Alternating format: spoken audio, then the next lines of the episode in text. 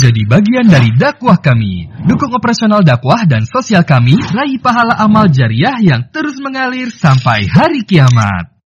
Innal hamdalillah. Segala puji dan puja kehadirat Allah. Nahmaduhu wa nasta'inuhu wa nastaghfiruh. Hanya kepadanya kita memuji, meminta pertolongan serta bertaubat dari dosa-dosa kita.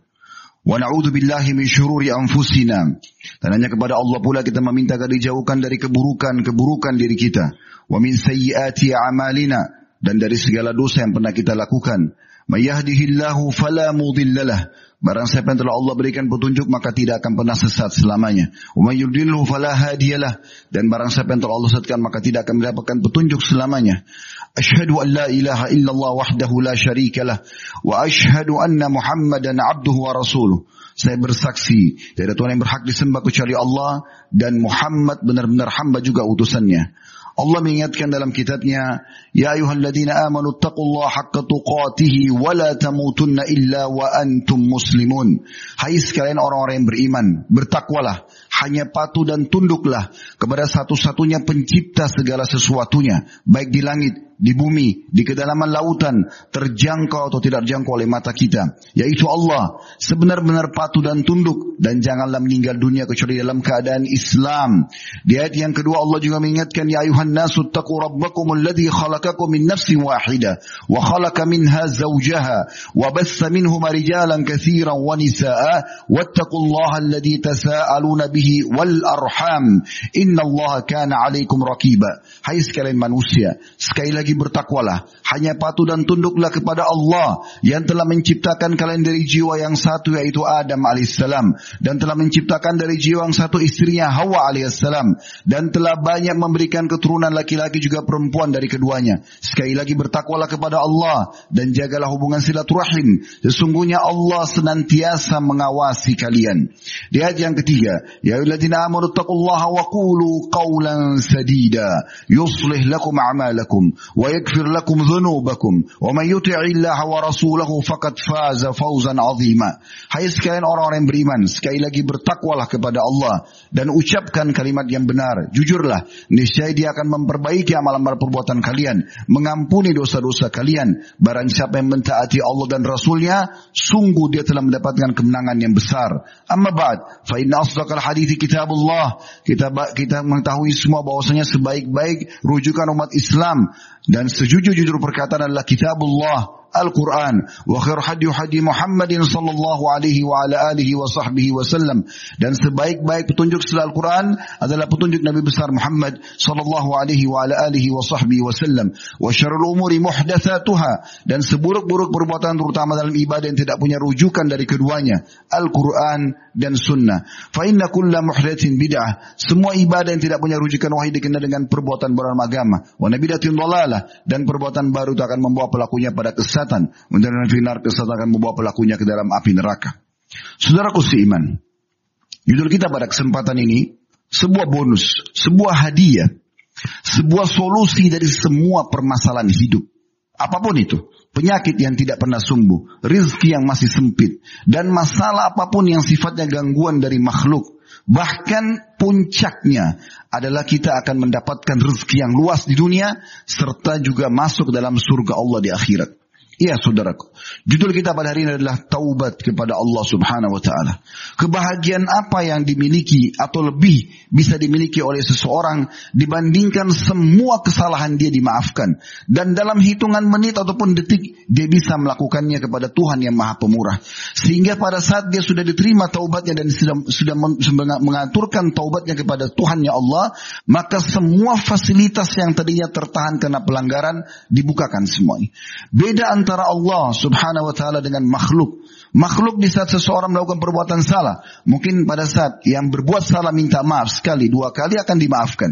Tapi kalau sudah empat kali, lima kali, sampai beberapa kali, maka tentu saja dia akan berat memaafkan. Bahkan mungkin dia akan memboikot dan memutus hubungan dengan orang tersebut. Tapi sang pencipta Allah, zat yang maha pemurah. Zat yang betul-betul bisa membuka seluruh pintu untuk hamba yang telah berbuat salah. Walaupun salahnya sangat besar. Walaupun salahnya sangat banyak. Kebahagiaan apa teman-teman sekalian? Setelah melakukan zina sekian tahun, mencuri, menipu, bahkan berbuat dosa-dosa induk yang sangat besar seperti syirik kepada Allah SWT. Pada seseorang taubat nasuha kembali kepada Tuhannya, Allah maafkan semuanya. Allah berikan dia kesempatan untuk memperbaiki keadaannya dan Allah berikan semua fasilitas. Semua masalahnya akan terpecahkan, semua juga kebutuhannya akan terpenuhi, puncaknya di akhirat masuk ke dalam surga. Oleh karena itu, kita perlu renungi beberapa dalil-dalil yang jelas sekali. Dari Al-Quran, Kitabullah dan juga Sunnah Nabi SAW. Bagaimana motivasi yang sangat besar berada di keduanya. Agar setiap hamba selalu beristighfar dan bertobat kepada Tuhannya. Istighfar berarti memohon maaf kepada Allah. Bahasa agama kita memohon ampun. Dan taubat artinya mengikrarkan tidak akan mengulangi kesalahan tersebut. Allah subhanahu wa ta'ala berfirman dalam salah satu atau dalam firman-firmannya di antaranya surah Nuh. Nabi Nuh alaihissalam mengingatkan kepada kaumnya agar memperbanyak istighfar. Dalam firman Allah, "Faqultu astaghfiru rabbakum innahu kana ghaffara." Aku berkata kepada umat atau kepada kaumku beristighfarlah kalian kepada Tuhan kalian karena Dia Maha Pengampun. Manfaatnya yursilis sama alaikum midrara. Dia akan turunkan hujan yang lebat yang bermanfaat untuk kalian dari langit. Wa yumditkum bi amwalin wa banina wa yaj'alakum jannatin wa yaj'alakum anhara. Dan pasti dia akan menambah untuk kalian harta-harta kalian dan keturunan-keturunan untuk kalian serta membuat atau menjadikan buat kalian kebun-kebun yang lebat serta sungai-sungai yang mengalir. Juga dalam surah Hud Surah nomor 11 ayat 52 Allah mengingatkan Nabi Hud berkata kepada kaumnya, "Wa ya qaumi astaghfiru rabbakum tsumma tubu ilaihi." Wahai kaumku beristighfarlah kalian kepada Tuhan kalian dan taubatlah kepadanya. Manfaatnya, yursilis sama alaikum midrara dia pasti akan turunkan untuk kalian hujan yang lebat yang bermanfaat dari langit. Wa yazidkum ila. Dan dia akan menambahkan dengan taubat dan istighfar itu kekuatan di atas kekuatan-kekuatan kalian. Wala tatawallu mujrimin. Dan jangan pernah kalian menjadi orang-orang yang pembangkang. Allah subhanahu wa ta'ala juga mengingatkan dalam firman yang lain agar kita bersegera bertaubat dan beristighfar dan kembali kepadanya dalam surah Al-Imran ayat 133 yang bunyinya wasari'u ila magfiratin min rabbikum wa jannatin arduha as-samawati wal ardu iddat lil muttaqin. Berlumba-lumbalah kalian bersegeralah kalian kepada eh, pengampunan Tuhan kalian dan dengan pengampunan itu kalian akan mendapatkan surga yang surga itu luasnya seluas langit dan bumi yang dijanjikan untuk orang-orang bertakwa Demikian pula Allah subhanahu wa ta'ala menjanjikan dalam surah Hud ayat 3. Bahwasanya orang yang memperbanyak istighfar maka akan terus diberikan kenikmatan yang tidak pernah terputus. Baik dunia maupun akhirat. Sebagaimana dalam firmannya berbunyi. Wa anistaghfiru rabbakum thumma tubu ilai. Yumatti'kum mata'an hasanan ila ajalin musamma al-ayah. Dan aku berkata kata Hud kepada kaumnya, beristighfarlah kalian kepada Tuhan kalian dan taubatlah kepadanya, maka dia akan memberikan kepada kalian kenikmatan terus menerus yang sampai pada batas ajal yang sudah ditentukan. Ibnu Abbas radhiyallahu anhu menanggapi ayat-ayat ini sambil mengatakan, Allah memberikan kalian kenikmatan yang baik, yaitu rezeki dan kelapangan dengan istighfar itu. Al-Qurtubi rahimahullah berkata, inilah buah dari istighfar dan taubat, yaitu Allah akan memberikan kalian kenikmatan berupa keluasan rezeki dan juga kelapangan hidup. Nabi alaihi salatu wassalam menitik beratkan juga poin ini. Tadi ayat-ayat Al-Quran. Sekarang kita lihat bagaimana baginda Nabi SAW. Orang yang telah diampuni dosanya yang lalu dan akan datang juga selalu rutin beristighfar.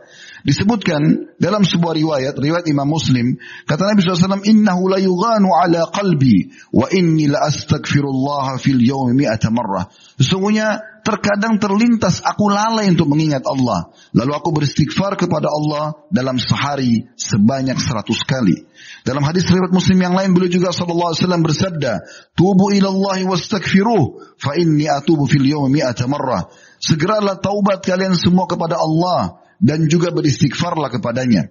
Yang sesungguhnya aku beristighfar dalam sehari sampai seratus kali. Demikian pula diceritakan oleh Ibnu Umar radhiyallahu anhu Beliau mengatakan dalam sebuah hadis Hasan Sahih riwayat Abu Daud dan juga Tirmidzi, beliau mengatakan sesungguhnya kami menghitung dalam majlis bersama Nabi Shallallahu alaihi wasallam dalam satu majlis beliau selalu mengucapkan Rabbi gfirli wa tub alayya innaka anta tawwabur rahim. Ya Tuhanku ampunilah aku dan terimalah taubat dariku. Sesungguhnya engkau zat yang maha menerima taubat dan juga maha pengasih. Beliau mengatakan Nabi SAW mengulangi dalam satu majlis sampai seratus kali. Dalam hadis yang lain itu kalau sikap Nabi SAW. Beliau memotivasi umatnya kita semua agar terbiasa dengan istighfar itu. Dalam hadis riwayat Ahmad dan juga Ibnu Majah beliau mengatakan man أكثر استغفارا. جعل الله له من كل ضيق مخرجا ومن كل هم فرجا. ورزقه من حيث لا يحتسب. Renungi teman-teman sekalian makna-makna ini. Bukan hanya sekedar masuk telinga kanan keluar telinga kiri.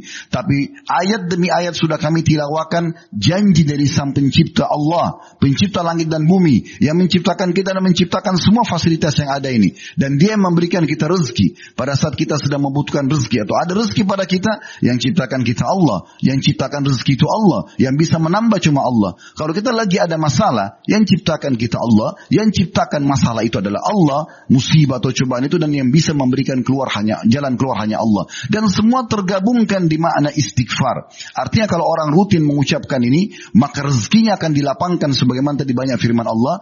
Juga dosa-dosanya akan dimaafkan sehingga fasilitas akan datang kepada dia sebagaimana orang-orang yang belum melakukan pelanggaran. Nabi SAW mengatakan siapa yang memperbanyak istighfar memperbanyak, menaksar istighfar, bukan cuma sekali dua kali, rutin membaca istighfar, maka Allah akan berikan dia kelapangan di setiap kesempitan. Ada masalah apa pun, sumpah, sedih, apa saja masalah, maka akan diberikan jalan keluar. Ja'alallahu lahu min kulli dikin makhraja. Kemudian juga Allah akan memberikan kepada dia solusi dari kesedihan yang sedang menimpanya. Serta Allah akan memberikan rezeki yang dari arah yang dia tidak pernah sangka. Juga dalam hadis yang lain riwayat Bukhari Muslim, kata baginda Nabi SAW, "Idza aznamal abdu dzamban faqal." Kalau seandainya seorang hamba itu melakukan dosa lalu dia mengucapkan, "Allahumma kfirli, ya Allah maafkanlah aku." Fayaqulu Allah Azza wa Jalla, maka spontan pada saat itu Allah yang Maha Mulia dan Maha Tinggi menjawab, "Aznaba abdi zamban, fa'alima anna law rabban ya'khudhu bidzambi wa yakfiru dzambal abd, i'mal ma syi'ta faqad ghafartu lak." Kalimat mulia sekali, perhatikan baik-baik. Maka Allah berkata pada saat seorang hamba mengucapkan sekali saja, Ya Allah ampunilah aku. Allah makfirli. Allah mengatakan hamba aku ini melakukan perbuatan dosa. Dan dia tahu, dia sadar dengan ucapannya Allah makfirli, bahwasanya ada Tuhan yang akan menghukum dosa kalau terjadi pelanggaran. Dan sekaligus bisa memaafkan dengan tidak menghukum hamba. Maka ketahuilah berbuatlah setelah kau mengucapkan kalimat tersebut kebaikan-kebaikan karena aku telah memaafkan kesalahanmu yang lalu. Huzaifah radhiyallahu anhu, sahabat Nabi yang mulia berkata, saya adalah seorang yang memiliki lisan yang tajam terhadap keluarga saya. Seringkali berkata tegas, keras kepada istri dan anak-anaknya. Maka saya pun khawatir lidahku membawaku dalam api neraka. Maka aku datang kepada Nabi SAW dan mengatakan, Ya Rasulullah, sesungguhnya lisanku sangat tajam. Dan kadang-kadang aku lalai dalam mengucapkan pada saat lagi marah. Maka Nabi SAW mengatakan, Fa'aina anta minal istighfar. Mana kamu dari istighfar, wahai Huzaifah? Fa'inni la astagfiranna fil yawmi atamarra. Sesungguhnya aku saja Artinya aku sebagai seorang nabi yang jelas diampuni dosaku, aku juga diawasi oleh Allah Subhanahu wa taala sehingga amal-amalku selalu terjaga, maka tetap aku beristighfar kepada Allah sehari seratus kali. Hadis sahih diriwayatkan oleh Imam Nasai. Abu Hanifah rahimahullah meriwayatkan sebuah hadis dalam musnad beliau. Walaupun musnad ini jarang dilirik oleh orang. Tapi Abu Hanifah rahimahullah, beliau seorang ahli fikih. Tapi beliau punya musnad menyusun hadis-hadis Nabi SAW. Di antara hadis yang beliau angkat adalah hadis Jabir bin Abdullah radhiyallahu anhuma. Jabir dan Abdullah adalah dua-dua sahabat. Anak dan ayah sahabat kita mengatakan radhiyallahu anhuma. Maka beliau meriwayatkan telah datang seseorang kepada Nabi SAW mengatakan, wahai utusan Allah. Saya betul-betul belum dikarunia satu pun keturunan anak. Maka apa harus saya lakukan? Maka kata Nabi SAW, فَأَيْنَ أَنْتَ مِنْ كَثْرَةِ istighfari wa kathrat sadaqah turzaku bihima. Mana kamu dari memperbanyak istighfar dan juga memperbanyak sedekah. Yang pasti dengan keduanya, engkau akan diberikan rezeki. Dalam sebuah asar diceritakan, iblis yang berkata kepada Allah subhanahu wa ta'ala, ya, pada saat Allah melaknatnya dan memerintahnya turun keluar dari dari dari langit turun ke bumi Allah swt mengatakan dia tidak mau sujud kepada Adam maka dia mengatakan wahai Robku demi keperkasaanmu aku akan menipu anak Adam selama ruh-ruh mereka masih ada di badan mereka. Maka Allah pun berfirman, "Wa izzati wa jalali la, la akfiranna lahum ma yastakfiruni." Demi keperkasaan dan keagunganku hai iblis, sesungguhnya aku akan terus mengampuni mereka selama mereka memohon ampun kepadaku. Berapa banyak pun dosa yang kita kerjakan tetap akan dimaafkan oleh Allah Subhanahu wa taala.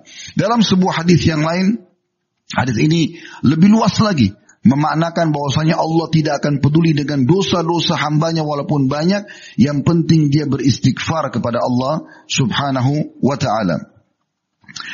Dikatakan bahwasanya dari hadis Abu Sa'id al-Khudri radhiyallahu anhu begitu mudahnya istighfar. Perhatikan riwayatnya ini begitu mudahnya istighfar dan mulai malam ini amalkan setiap kali mau tidur ucapkan ini tiga kali saja.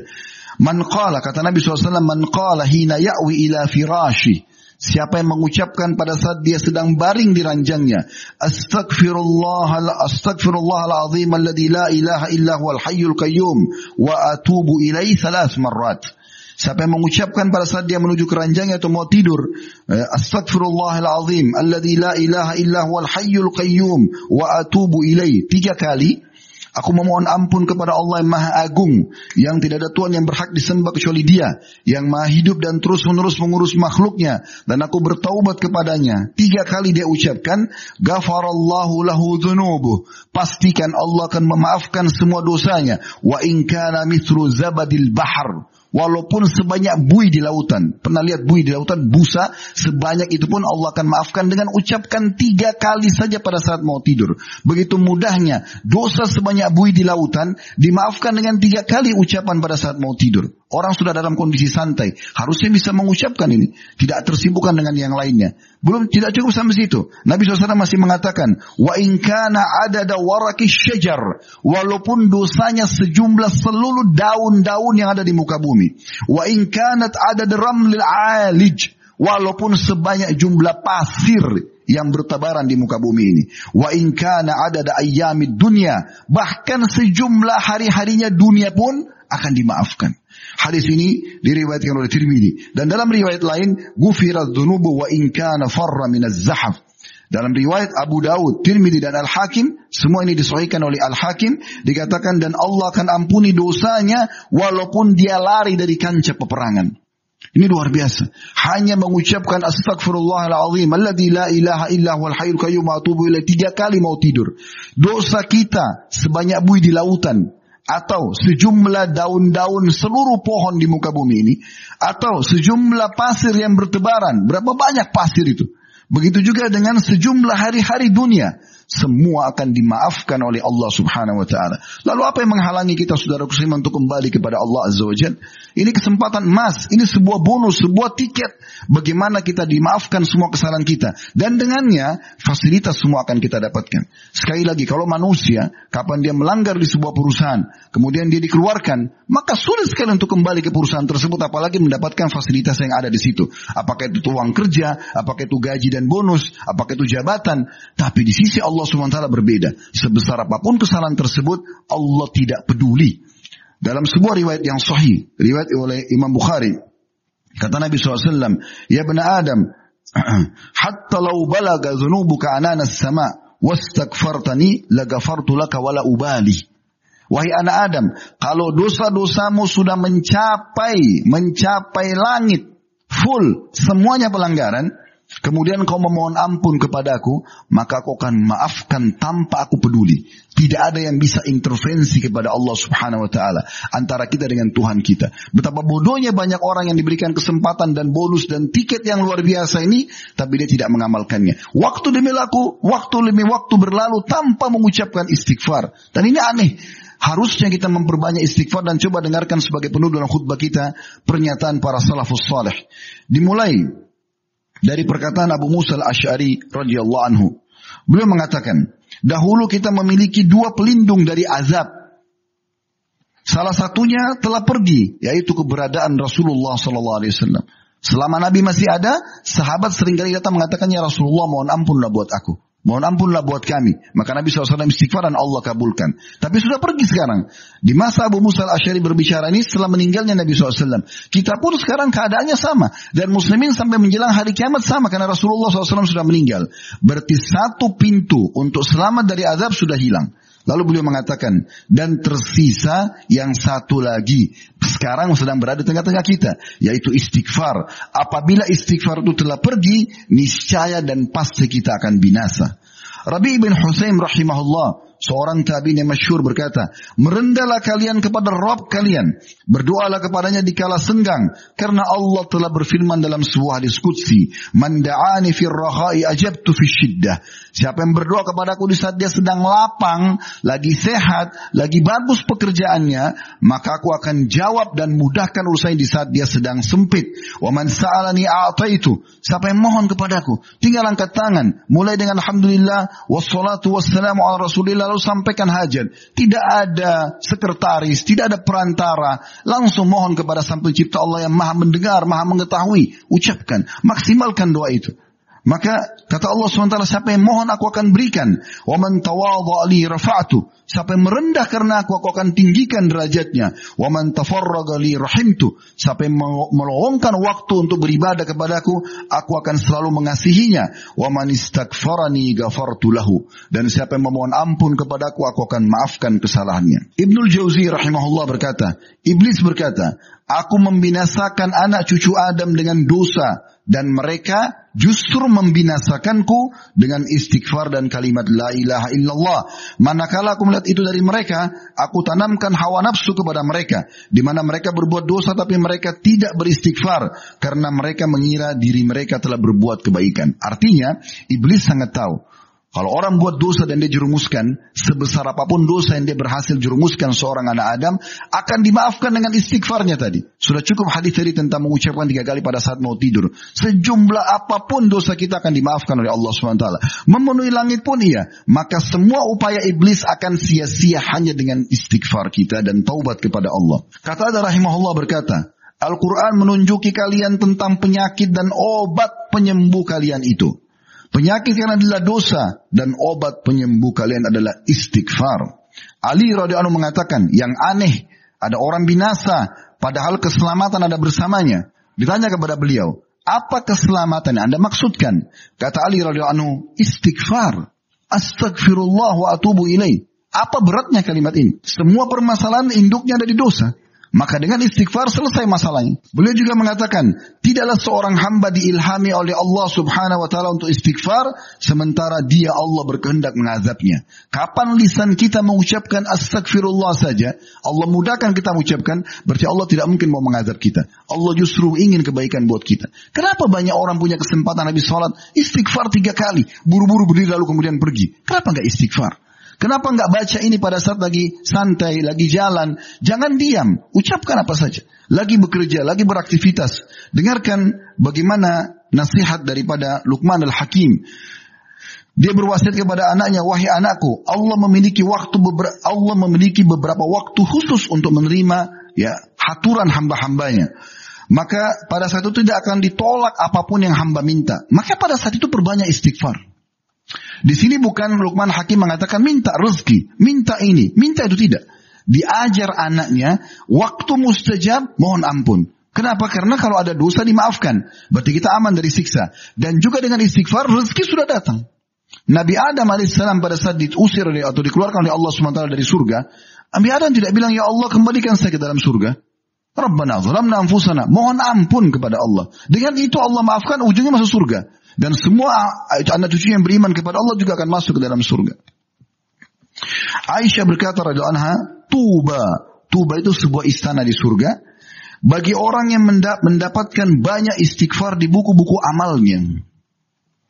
Abu Minhal rahimahullah berkata, tidaklah seorang hamba didampingi dalam kuburnya lebih ia cintai daripada istighfar. Hasan Basri berkata rahimahullah, Perbanyaklah istighfar di rumah-rumah kalian, di meja-meja makan kalian, di jalan-jalan kalian, di pasar-pasar kalian, dan di majlis-majlis kalian. Karena kalian tidak pernah tahu kapan ampunan itu akan turun. Sebagai penutup perkataan Ibnu Taimiyah juga rahimahullah, beliau mengatakan, pikiranku terkadang terpaku pada sebuah masalah yang sulit bagiku. Maka aku beristighfar kepada Allah sampai seribu kali. Terus diucapkan. Sampai dadaku dilapangkan dan masalah yang sulit pun terpecahkan. Aku kadang berada di pasar, masjid, ataupun sekolah. Ataupun sekolah, tapi hal itu tidak menghalangiku dari zikir dan istighfar. Sampai aku meraih apa yang aku inginkan. Aku lu qauli hadza, saya sudah mengucapkan perkataan ini wa astaghfirullah li wa lakum dan saya beristighfar kepada Allah mengajak jamaah istighfar kepada Allah fastaghfiru innahu ghafurur rahim istighfarlah kepada yang Dia Maha Pengampun juga Maha Pengasih. Alhamdulillah wassalatu wassalamu ala Rasulillah. Segala puji dan puja kehadirat Allah Subhanahu wa taala juga salawat dan taslim kepada Nabi besar Muhammad sallallahu alaihi wa ala alihi wa sahbihi wasallam. Khutbah demi khutbah sering kali kita dengarkan di setiap Jumat, ceramah demi ceramah, nasihat demi nasihat. Cuma beruntunglah orang yang mendapatkan apa yang telah didengar lalu dia amalkan. Seorang yang mengamalkan ilmunya akan mendapatkan keberkahan. Tapi seseorang hanya sekadar mendengar lalu mengatakan, oh iya ya, saya pernah dengar. Lalu tidak mengamalkan, maka ini orang yang paling rugi. Dan telah tegak hujah padanya pada hari kiamat. Allah akan mengatakan kepada dia, bukankah sudah sampai kepadamu? Bukankah hambaku fulan telah menyampaikan kepadamu? Bukankah kau telah mendengar dan membacanya? Maka dia tidak ada hujah lagi pada hari kiamat untuk menyelamatkan dirinya. Maka perbanyaklah kesempatan emas. Setiap kali dengar khutbah demi khutbah, ceramah demi ceramah, ambil ilmu tersebut dan terapkan dalam diri kita atau dalam kehidupan kita, maka Allah akan berikan keberkahan. Hari Jumat adalah hari yang penuh dengan berkat dan ada waktu mustajab doa. Sering kami sering kali kami sampaikan di setiap khutbah bahwa saya ada dua buah riwayat yang menjelaskan waktu mustajab doa. Riwayat Imam Muslim dan riwayat An-Nasai. Kata Nabi SAW, Jumat tidak ada seorang muslim berdoa kecuali akan diijabah dan kejarlah itu pada saat khatib berada di atas mimbar sampai dikomahkan sholat. Juga khutbah hadis yang kedua adalah Jumat adalah 12 waktu. Dan seorang muslim berdoa kecuali akan diijabah dan berbanyaklah doa selepas asar sampai terbenam matahari. Oleh karena itu jangan sia-siakan waktu yang mustajab ini kita berdoa kepada Allah SWT. Semoga Allah maafkan semua kesalahan dan juga Allah ijabah semua hajat kita. Alhamdulillahirabbil alamin. Kami memuji Allah sebagaimana layak kau dipuji sebagai pencipta dan kami juga mengucapkan salam hormat kami kepada utusan Nabi besar Muhammad sallallahu sallallahu alaihi wa ala alihi wa sahbihi wasallam sebagaimana engkau telah perintahkan kami untuk mengucapkan salam hormat tersebut dan kami berharap engkau jadikan puji-pujian kami dan juga salawat kami kepada Nabi Muhammad sallallahu alaihi wasallam sebagai tambahan amal kami pada hari kiamat. Ya Allah, kami tidak berkumpul di masjid ini untuk kecuali untuk mengerjakan satu perintah yang kau wajibkan kepada kami itu salat Jumat. Maka terimalah pahala Jumat ini sempurna. Berikanlah kami pahala Jumat ini dengan sempurna. Serta terimalah seluruh amal-amal yang pernah kami kerjakan wajib ataupun sunnah yang sedang kami kerjakan, juga yang akan kami kerjakan sampai menjelang ajal datang nanti. Ya Allah ampunilah kami, ampunilah kedua orang tua kami, bahkan seluruh muslimin dan muslimat, mukminin dan mukminat yang hidup dan juga yang sudah meninggal. Ya Allah tolonglah saudara-saudara kami di Palestina, di Syria, di Yaman, di Irak, di Myanmar, di mana pun yang mereka sedang tertindas. Ikhlaskan niat mereka. Terima para syuhada mereka. Mulakan Islam di tangan mereka dan tangan kami semua. Sekaligus sekarang kami bersama mereka di pahala. Baik dengan doa juga dengan harta. Dan juga dengan tenaga kami. Ya Allah makmurkanlah negara kami, amankanlah negara kami. Siapa menginginkan keburukan bagi Islam, bagi muslimin, bagi negara kami Indonesia, maka kembalikan tipu daya mereka kepada diri mereka sendiri. Bila petunjuk para pemimpin kami agar selalu bertakwa kepadamu dan juga menjalankan tugas-tugas mereka dengan baik, serta jadikan juga kami masyarakat yang selalu patuh dan gotong royong, saling kerjasama agar bisa memakmurkan negeri kami dan juga mensyukuri nikmat yang telah Engkau berikan kepada kami dan jadikan kami sebagai contoh bagi negara-negara yang lain. Dan ya Allah, berikanlah kami semua kebaikan kebaikan di dunia. Rabbana atina fid dunya hasanah. Dan semua kebaikan di akhirat. Wa fil akhirati hasanah. Dan masukkan selamatkan kami dari api neraka. Wa kina adaban nar. Dan masukkan kami dalam surga bersama orang-orang yang patuh. Wa adkhilnal jannata ma'al abrar. Ya azizu ya ghaffar. Wa izat ya mulia dan maha pengampun. Ya Rabbal alamin. Wahai Tuhan alam semesta. Wa sallallahu nabiyina Muhammadin walhamdulillahi rabbil alamin.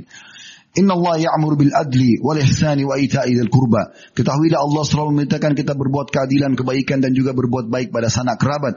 Ya'idukum la'allakum tattaqun hanil fahsya'i wal munkari wal bagi dan Allah melarang untuk berbuat perbuatan keji, perbuatan dosa dan juga pembangkangan. Ya'idukum la'allakum tadhakkarun. Ingatlah itu agar dan jadikan sebagai prinsip hidup kalian. Fadkurullah adima yadhkurkum. Ingatlah kepada Allah. Allah akan ingat kepada kalian. Washkuruhu ala niyami yazidkum. Syukuri nikmat jadi pasti akan tambah. Wa zikrullah akbar. Mengingat Allah dalam amal yang besar. Wa akimi dan dirikanlah salat.